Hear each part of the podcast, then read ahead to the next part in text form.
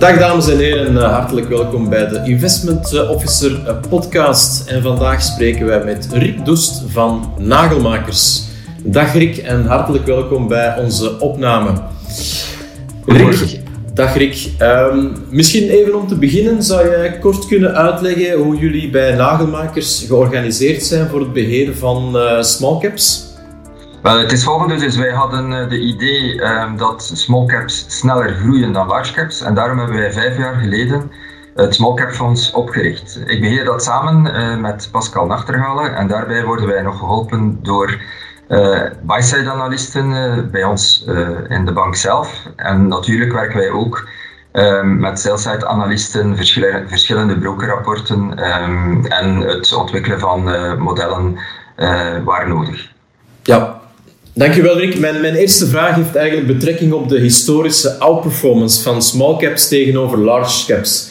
Uh, hoeveel bedraagt die uh, op, op lange termijn en um, op welke manier kunnen uh, small caps eigenlijk in deze omgeving outperformen?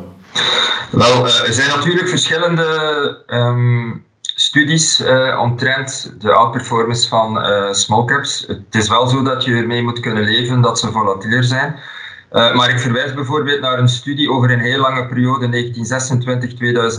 McDermott en Doria. Um, die uitkwam op het feit dat uh, de small caps ongeveer een return hebben van 13% over die periode, terwijl uh, large caps 9,1% doen over deze periode. Nu, je moet kunnen leven met de volatiliteit, um, maar ook studies hebben uitgewezen, UBS heeft onlangs trouwens daar een rapport over geschreven, Um, dat uh, na een dieptepunt, uh, of zeker zes maanden na een dieptepunt, dat small caps een serieuze outperformance hebben ten opzichte van de large caps. En men spreekt over een outperformance van 6%. En we zitten nu nog altijd in die fase van herstel. Hè? Laat ons hopen. Ja. Uh, en daarom is er nog een ritje te gaan.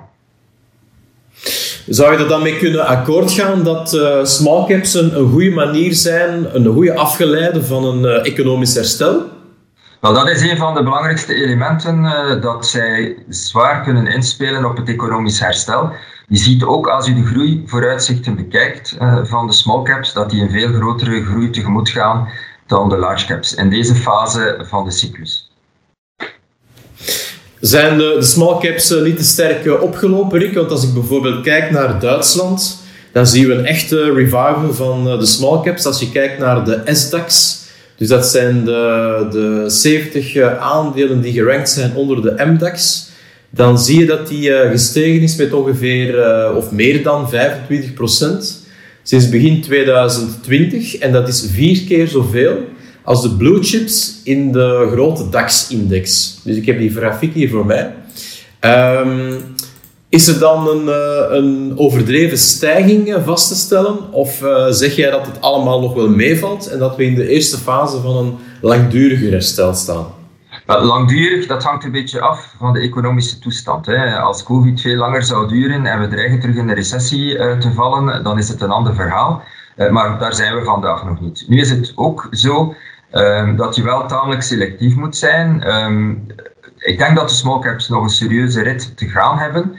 Maar selectiviteit is um, zeker noodzakelijk, omdat je, als je verwijst bijvoorbeeld naar de SDAX, um, dat er wel bepaalde zaken zijn die door ESG-toestanden zwaar gestegen zijn en die toch wel serieus overgewaardeerd zijn.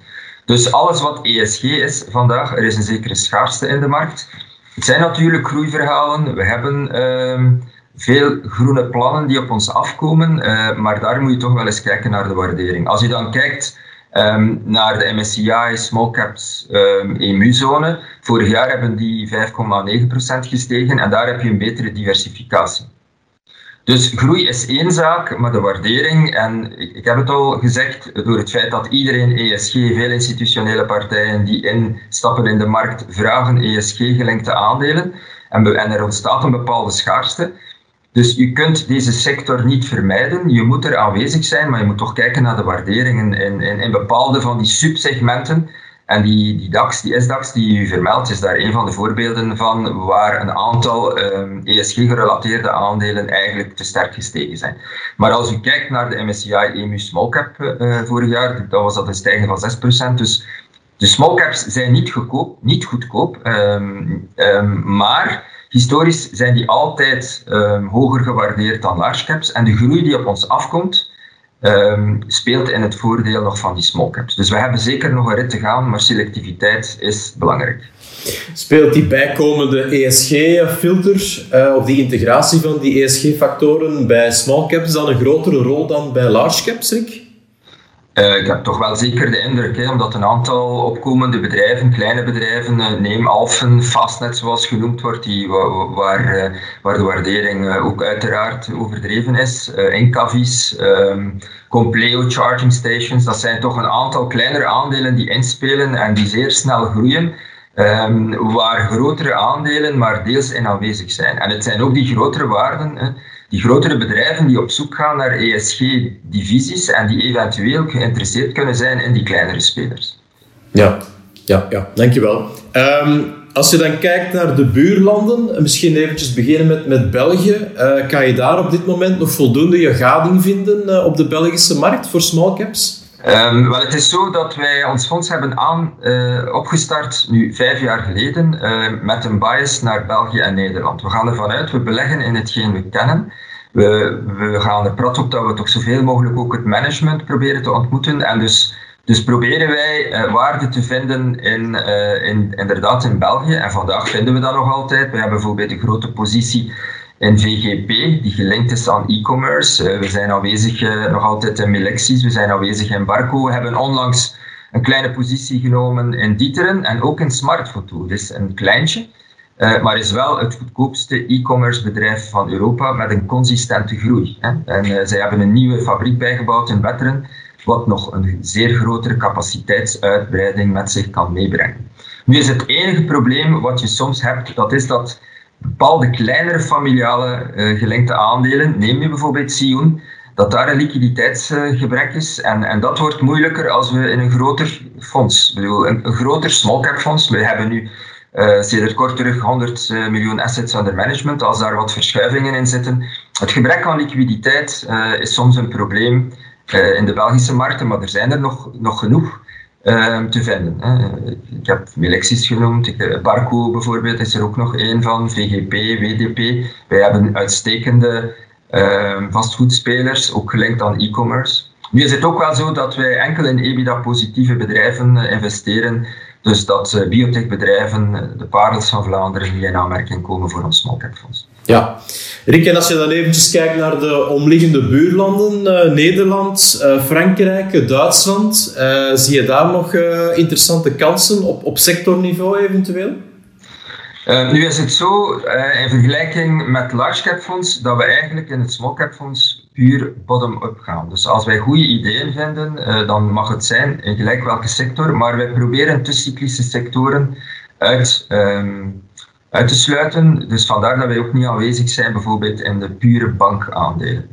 Maar er zijn inderdaad uh, zeker nog kansen in de omringende landen en dan gaan wij zeker op zoek naar, naar, naar groeiaandelen.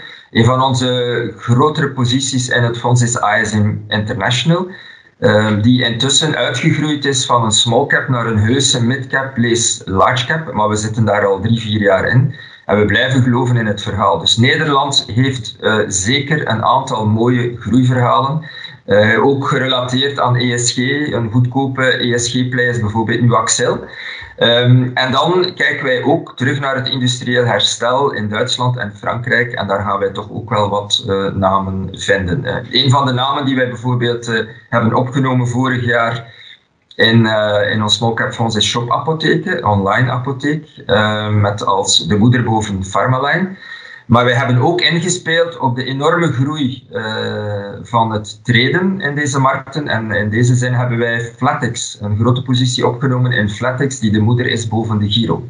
Dus er zijn nog zeker een aantal parels te vinden. Uh, maar niet alleen in Frankrijk en Duitsland, maar we zijn ook wel aanwezig in Italië, waar we een aantal puikennamen hebben, met onder andere Tinexta, die ook uh, in cyberveiligheid uh, aanwezig is. Uh, Rick, je besprak al, de, of je haalde al het, soms het probleem aan liquiditeit aan bij het beheer van small caps. Welke andere uitdagingen ondervind je nog bij het beheer van een dergelijk portefeuille of een dergelijk fonds? Maar ik denk dat je zeer selectief moet zijn en gezien het kleinere bedrijven zijn, is de, sterkte van de balans uh, zeer belangrijk. Um, de selectiviteit is geboden, maar buiten het gebrek aan liquiditeit zie ik enkel eigenlijk opportuniteiten. Um, dus zoveel negatieve elementen zijn er niet. Het zijn kleinere bedrijven, dus de balans, een gezonde balans is zeer belangrijk. En dan ook uh, voeling vinden met het management, uh, want een wijziging van het management in een klein bedrijf kan, kan een zeer grote rol spelen. Uh, maar goed, de toegankelijkheid tot small caps, tot bedrijven van een kleinere rang, is, is veel makkelijker. Hè? Bedoel, als je grote bedrijven als Siemens of Carrefour of Sanofi, dan krijg je bijna nooit de CEO te pakken. Maar bij die kleine bedrijven lukt dat gemakkelijk om iemand uit het management te kunnen spreken. Dus Buiten liquiditeit, uh, gezonde balans, zie ik eigenlijk weinig problemen. Het, zijn sterke groeiers, uh, groeiverhalen. Um, maar natuurlijk, je moet je huiswerk maken en uh, zorgen dat de balans op orde is. Ja. Rick, en het familiaal aandeelhouderschap dat je vaak ziet bij dergelijke small caps, is dat voor jou of voor jullie in het team een, een bijkomende troef? Wel ja, familiaal aandeel, aandeelhouderschap zie je dikwijls dus de, de betrokkenheid van de familie. Maar goed, dat kan ook negatief spelen. We vinden dat meestal een positief element. Jammer genoeg zie je meer en meer minder liquide aandelen in, in, in deze familiale bedrijven zitten. Dus dat is dan wel een probleem. Maar de toegankelijkheid en als het management zelf um, eigenaar is, uh, kan dat wel positieve en snellere wendingen hebben in het bedrijf. Het kan ook soms negatieve elementen hebben. Als, als, als de, de, de, de, kinderen van de familie uh, de, zaak minder kennen en zich toch proberen uh, te moeien met het verhaal. Maar in het algemeen heb ik daar positieve ervaringen mee. Alleen, blijvend, zijn er veel, veel kleine, illiquidere familiale bedrijven en dat is wel een probleem. Um, en als je dan kijkt naar uh, bepaalde factors uh, die je op het be beleggen kan toepassen, ik denk dan aan value, growth, uh, momentum, zijn er daar historisch gezien bepaalde factoren, um, of smart beta factoren als je wil, die bij small caps extra goed performance opleveren? Maar ik denk dat het, het, feit dat bedrijven kleiner zijn dan die grote en dat er meestal een grotere groei aanwezig is, dat dat een van de belangrijkste factoren is in small caps.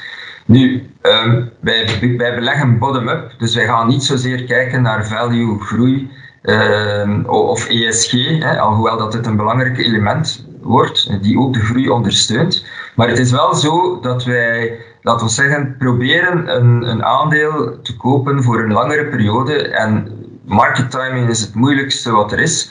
Dus wij, wij proberen te cyclische bedrijven uh, toch te mijden. En die te cyclische bedrijven die zijn vandaag dikwijls value aandelen. Dus als je naar ons fonds zou kijken, dan zul je zien dat value ondervertegenwoordigd is, vooral omwille van de cycliciteit van deze bedrijven. Dus wij hebben amper grondstoffenbedrijven, wij hebben, wij hebben geen banken, wij hebben, wij hebben 13, 14 procent van het fonds zijn financials.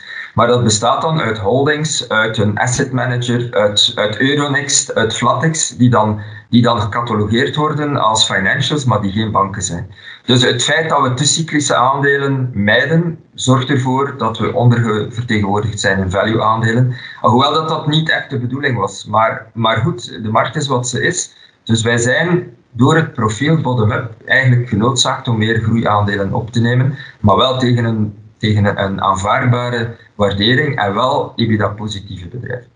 Ja, oké. Okay. Uh, Rick, en dan, uh, als je dan kijkt uh, naar de, als je een gediversifieerde aandelenportefeuille neemt, laten we ervan uitgaan dat we hier over een institutionele belegger spreken. welke plaatsen verdienen die, die small caps dan in een dergelijke portefeuille volgens jou? Maar laat ons zeggen dat er, dat, dat er toch altijd wel een, een, binnen het aandelengedeelte voor, voor mij een 20% small caps aanwezig mogen zijn.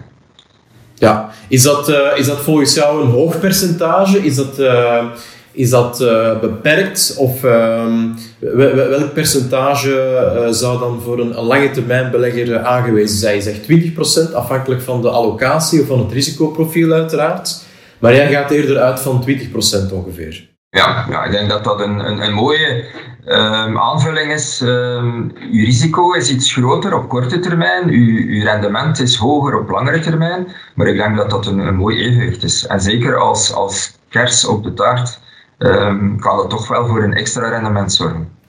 Ik dan misschien nog een laatste vraag die vaak wordt aangehaald. Dat is het feit dat uh, door MIFID 2 dat er nogal wordt uh, gekut in de research budgetten.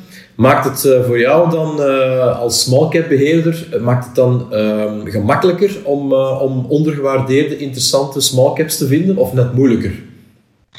Maar ik denk ehm, dat MIFID 2 op uiteindelijk allemaal niet zo'n grote vaart heeft genomen. Wij, wij hadden een, een, een project uitgestippeld en wij zijn tevreden ehm, met het researchbudget um, die wij hebben. Dus wij hebben eigenlijk niet veel moeten snijden in, in de mogelijkheden die wij hadden. Um, je merkt wel um, dat er een aantal kleinere brokers verdwijnen, uh, maar die worden dan meestal op, opgeslorpt of, of, via, of gaan verder via een joint venture. Ik zou zeggen van de, de minst liquide aandelen, die, die lijden daar wel onder, want die worden minder opgevolgd. Um, maar vandaag um, denk ik dat uh, de, de liquidere aandelen, de liquidere small caps, nog altijd uh, genoeg opgevolgd worden. Dus wat mij betreft is er eigenlijk, uh, is er eigenlijk geen probleem. Weliswaar door het feit ook dat wij iets hebben of, of zij moeten opschuiven naar iets meer liquidere aandelen. Dus de microcaps als het ware, dat zijn de aandelen die daar het uh, meest onder lijden, maar die komen dan niet meer in aanmerking voor het fonds. Uh, nu, particulieren die hun huiswerk goed maken, die kunnen daar wel bepaalde juweeltjes ontdekken, maar het moet beheersbaar blijven voor het fonds. Dus um, het, het, het, het, het gebrek aan liquiditeit um, is dan dikwijls tot gevolg dat een broker het niet meer opvolgt. Uh, maar dat zijn meestal aandelen die dan onder de radar ook vallen nu van, uh, van de beheerders, omdat die te klein geworden zijn en te illiquide geworden zijn. Ja. Maar het, het, het, valt, het valt nog mee, uh, MIFI 2, in de zin van dat ehm, ja, als je dan gaat naar lokalere brokers, dan zijn die, die prijzen van research niet zo duur en, en, en die hebben dan dikwijls het, het toetje dat zij bepaalde lokale bedrijven eh, volgen. En voor de rest zie je partijen, partijen verdwijnen, maar die gaan dikwijls op in een groter geheel. Um, nu, er waren te veel brokers. Um, het is een niet evident businessmodel. Maar op vandaag uh, kunnen we eigenlijk niet klagen en kunnen we nog eigenlijk onze gading vinden waar nodig. Hè. Weliswaar hebben wij bij nagelmakers een plan opgemaakt en hebben wij een budget gekregen. Als, als er morgen een partij is die die budget volledig uh, opgeeft, dan is er wel misschien een probleem. Hè, want je, hoe goed een beheerder ook is, je hebt altijd hulp uh, nodig van buitenstaanders, want die radar van smallcaps is zo groot. Uh, al, al, is het maar om bepaalde ideeën te kunnen zien die, waar je dan dieper kunt op ingaan. Dankjewel Rick voor jouw uiterst deskundige en interessante uitleg. Eh, dames en heren, ook leuk dat u weer bij ons was voor de podcast van Investment Officer. En deze keer spraken we met Rick Doest van Nagelmakers. Rick, eh, nogmaals hartelijk dank eh, voor jouw deelname en graag tot de volgende keer. Uh, graag gedaan.